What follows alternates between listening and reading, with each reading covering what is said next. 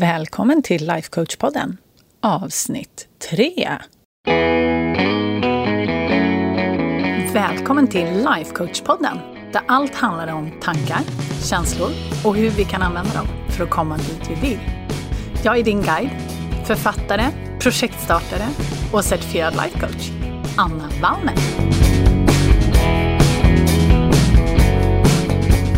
Men hej på er! Nu är det en ny vecka och nya möjligheter. Och här i Uppsala kan jag säga att det är så vackert idag så det är helt, ja, det är helt bisarrt. Solen skiner, det är typ 15 minusgrader och det bara knarrar om fötterna. Det är helt underbart. Och jag har alltid varit en person som, eller jag ska inte säga alltid, men när jag har blivit lite äldre och blivit vuxen så har jag alltid eh, presenterat mig lite som en person som inte tycker om vintern. Men jag måste snällt erkänna att när det är så här, då är det fantastiskt. Det bara knarrade om fötterna när jag var ute och gick med hunden på lunchen. Och ja, Det är bara helt fantastiskt. Men idag så hade jag tänkt att prata om just det här med hur tankar är nyckeln till precis allt. Och det är lite lustigt just det här då med vintern. Jag sitter och småler lite grann. För att jag har haft den här liksom historien som jag upprepat för mig själv, att jag liksom inte tycker om vintern. Och det är klart att ja, folk säger så här, ah, men när det är så där rimfrost på träden och det är kallt och det är underbart och det är härligt och det blir så ljust. Så har jag ändå varit så här, ja, fast det är fortfarande kallt. Det är liksom inte okej. Okay. Jag gillar inte det. Om jag får välja så tycker jag ju såklart att det är mycket härligare när det är varmt och skönt och sommar. Men med just det här att tankar gör att det styr allt vi gör och att det är det som är nyckeln till allt så vill jag berätta ett litet exempel som hände förra veckan faktiskt, som är så himla talande. Och ja, om jag börjar från början då.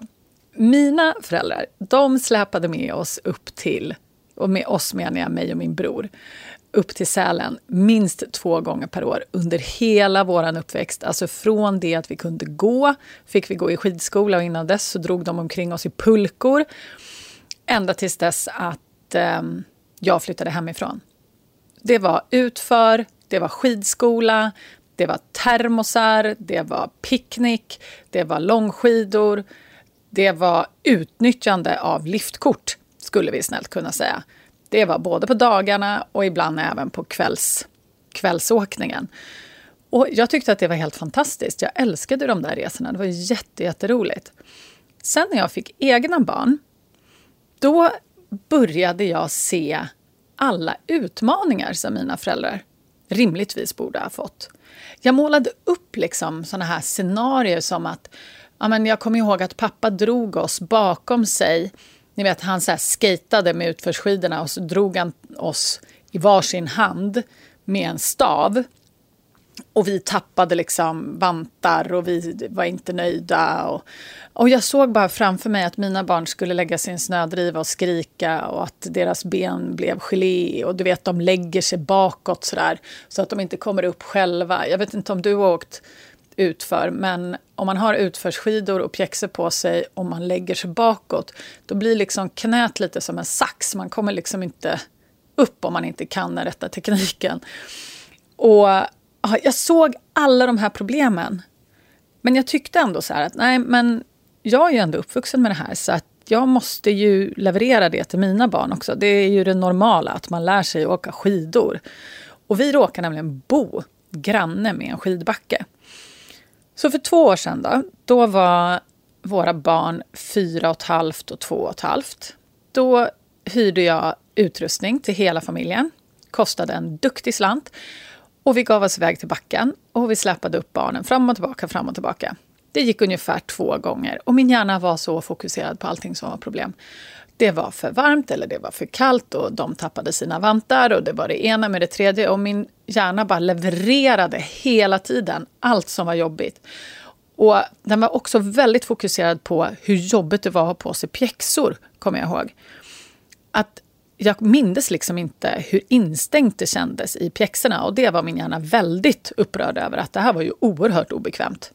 Och just det här liksom med att min hjärna fokuserade på allting som var negativt gjorde ju att upplevelsen blev ju inte jättehärlig, kan man säga. Sen fick vi två väldigt milda vintrar och nu då så kom snön igen. Och då tog min man upp det här att ah, men det kanske är läge att faktiskt köpa skidor till dig och mig, Anna. Och jag var lite så här, hmm. Då hade jag precis suttit hemma hos mina föräldrar och haft en lång utläggning över att det här är faktiskt ingenting jag tycker är speciellt kul. Och, och Andreas sa det, ja men jag tror att det är värt det för att vi kan ju testa. Jag menar, vi bor grannar med en backe. Tänk när barnen blir äldre och de kan åka dit själva. Tänk vad härligt det kommer bli. Jo, jag såg ju det framför mig. Ja, jo, men det är klart, det kommer bli så himla härligt. Och då bestämde jag mig liksom för att nej, fasen. Det här kan ju bli hur jäkla bra som helst. Nu fasen. Så Andreas han åkte iväg och köpte, han fixade allt, kom hem med alla skidor och jag bara bestämde mig för att nej, det här kommer bli jättebra. Tänk vad vi ger de här barnen. Och det kommer bli hur kul som helst. Och stöter vi på patrull, ja men då tar vi det då. Det kommer gå bra. De kommer tycka att det här är skitkul. Och jag provade mina pjäxor som Andreas köpte och de var så sköna. Jag kommer inte ens ihåg att, jag tror inte att pjäxor var så här sköna när jag var yngre. Det måste ju vara någon utveckling som har skett. Och ja, jag bara tvingade min hjärna att fokusera på allting som var så himla bra. Jag menar, tänk bara det faktum att kunna bo granne med en slalombacke. Och vi släpade oss iväg dit bort. Det gick hur bra som helst. Barnen gnällde inte. Jag gnällde inte. Och allting det här blev ju så positivt för att jag hela tiden fokuserade på att tänka det här är fantastiskt. Det här kommer bli så himla bra. Det här kommer bli så kul. Så vet ni vad som har hänt nu? Vi har bokat en resa till, till fjällen. Så vi ska åka till fjällen i helgen. Och då ska barnen få gå i skidskola och jag är supertaggad. Och det är så himla roligt hur vi kan ändra våra tankar om vi bara ändrar dem med flit.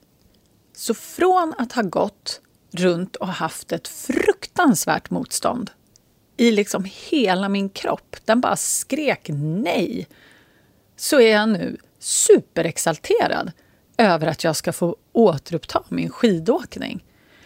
Och ja, det är nästan så att min hjärna exploderade lite när jag insåg att det här skiftet, jag gjorde det liksom bara genom att bestämma mig för att nej, vet du vad, jäkla surpuppa, nu får du ta och skärpa till dig. Fatta vad kul det här kommer bli. För det är ju så att känslor, de kommer ju ifrån det vi tänker. Det är ju inte så att skidåkning i sig gör att jag får någon slags speciell känsla. Det är inte så att, att mina barn gör att jag får någon speciell känsla. Och om det var så att skidåkning gjorde att människor fick en speciell känsla i kroppen, då hade ju alla haft exakt samma inställning till skidåkning, eller hur? Men det har vi ju inte. Utan det beror ju på vad vi tänker om skidåkningen som gör att vi kommer ha olika känslor. Så i mitt fall då, så hade jag tanken det här kommer bli så jäkla jobbigt. Och därför kände jag det här jättestora motståndet och bara ville inte. Och då blev det heller inte speciellt njutbart för mig. Men när jag ändrade min tanke till att det här kommer bli så himla bra. Fatta vad vi skapar för barnen. Det här är ju helt underbart. Så kände jag mig ju jättetaggad och jättepepp på att åka skidor. Och då blev det också en helt annan upplevelse.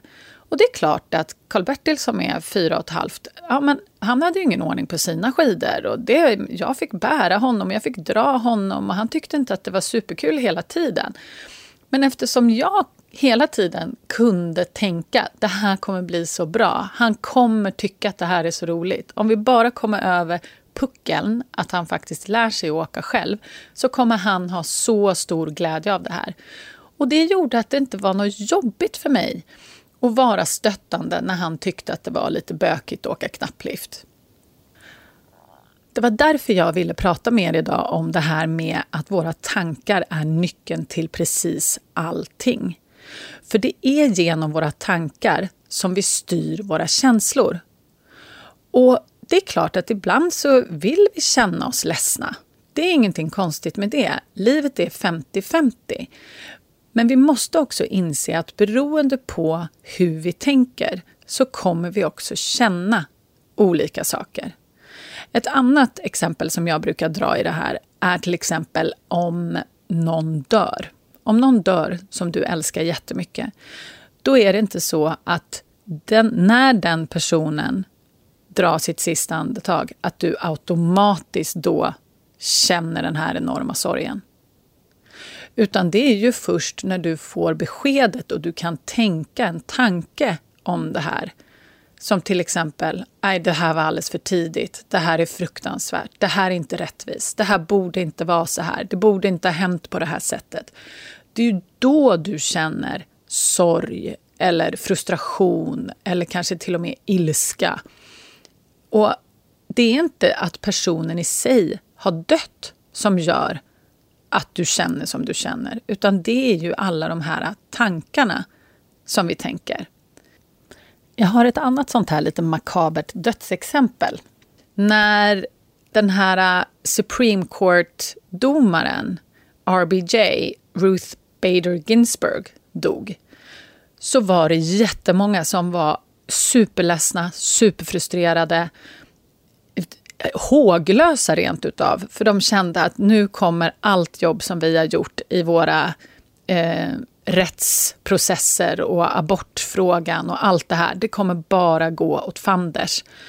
Medan det var andra som hade andra politiska åsikter som tyckte att hennes död var ju typ det bästa som hade hänt. De var ju jätteglada, för de såg ju att ah, men nu kommer vi kunna sätta en domare här som vi gillar, som gagnar våra syften. Så det faktum att hon dog, det har ingenting med våra känslor att göra. Utan det är ju alla de här tankarna som vi tänker om det som har hänt. Och just de här tankarna, de kan vi lära oss att styra. Vi kan börja fundera på vad vi faktiskt vill tänka om saker och ting. Och det, min vän, är allt. När man aktivt kan börja välja vad man tänker om saker och ting, då ändras hela spelplanen. Jag brukar fråga mina klienter lite olika frågor just när det kommer till omständigheter de har runt omkring sig. Till exempel personer eller situationer eller vad det nu kan tänkas vara. Och de kan du också fråga dig själv på en regelbunden basis. Börja fråga, vad vill jag känna i den här situationen? Eller vad vill jag tänka om den här situationen? Eller om den här personen kanske till och med. Och fråga dig också lite så här, hur kan jag tänka om den här situationen och känna om den här situationen på ett sätt som faktiskt gagnar mig? Och då menar jag inte på ett sätt som att eh, resultatet ska gagna dig och ge dig vinning på ett eller annat sätt, som att vinna en argumentation eller något sånt där. Utan fråga dig själv, liksom, hur vill du känna dig på insidan? För väldigt ofta så är det så att vi kanske känner saker som gör oss frustrerade, irriterade.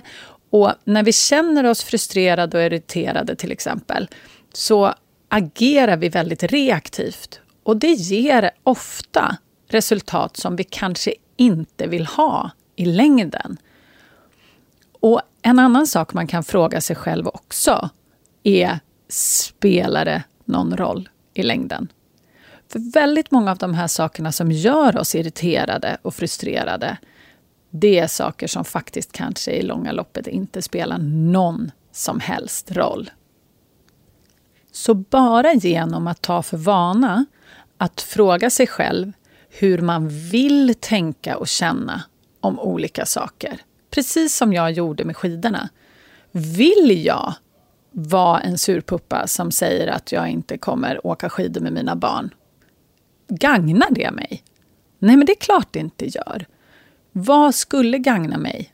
Ja, det som gagnar mig absolut mest, det är väl om jag kan ge mina barn och mig själv en jättetrevlig upplevelse. Och då menar jag inte att allt bara ska flyta på helt smärtfritt, för det vet vi allihopa att det kommer det inte göra.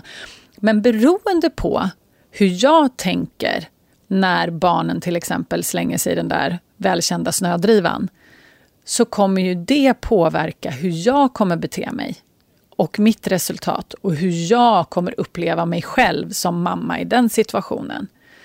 Så att då underlättar det jättemycket för mig om jag tänker så här att ja, de kanske är lite trötta, det är okej. Okay. De är bara barn. Det är okej. Okay. Det blir inte bättre för att jag skriker på dem. Det blir inte bättre för att jag blir frustrerad.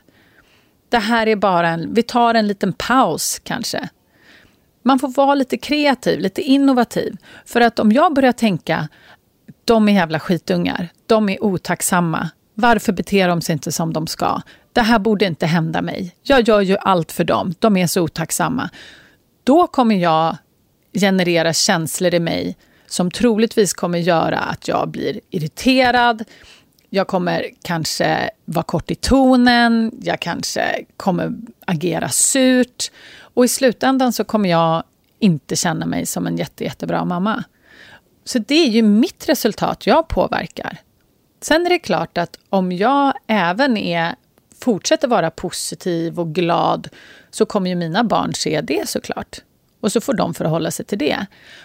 Men det jag menar är det att i varje stund så har vi en möjlighet att välja hur vi vill tänka om det.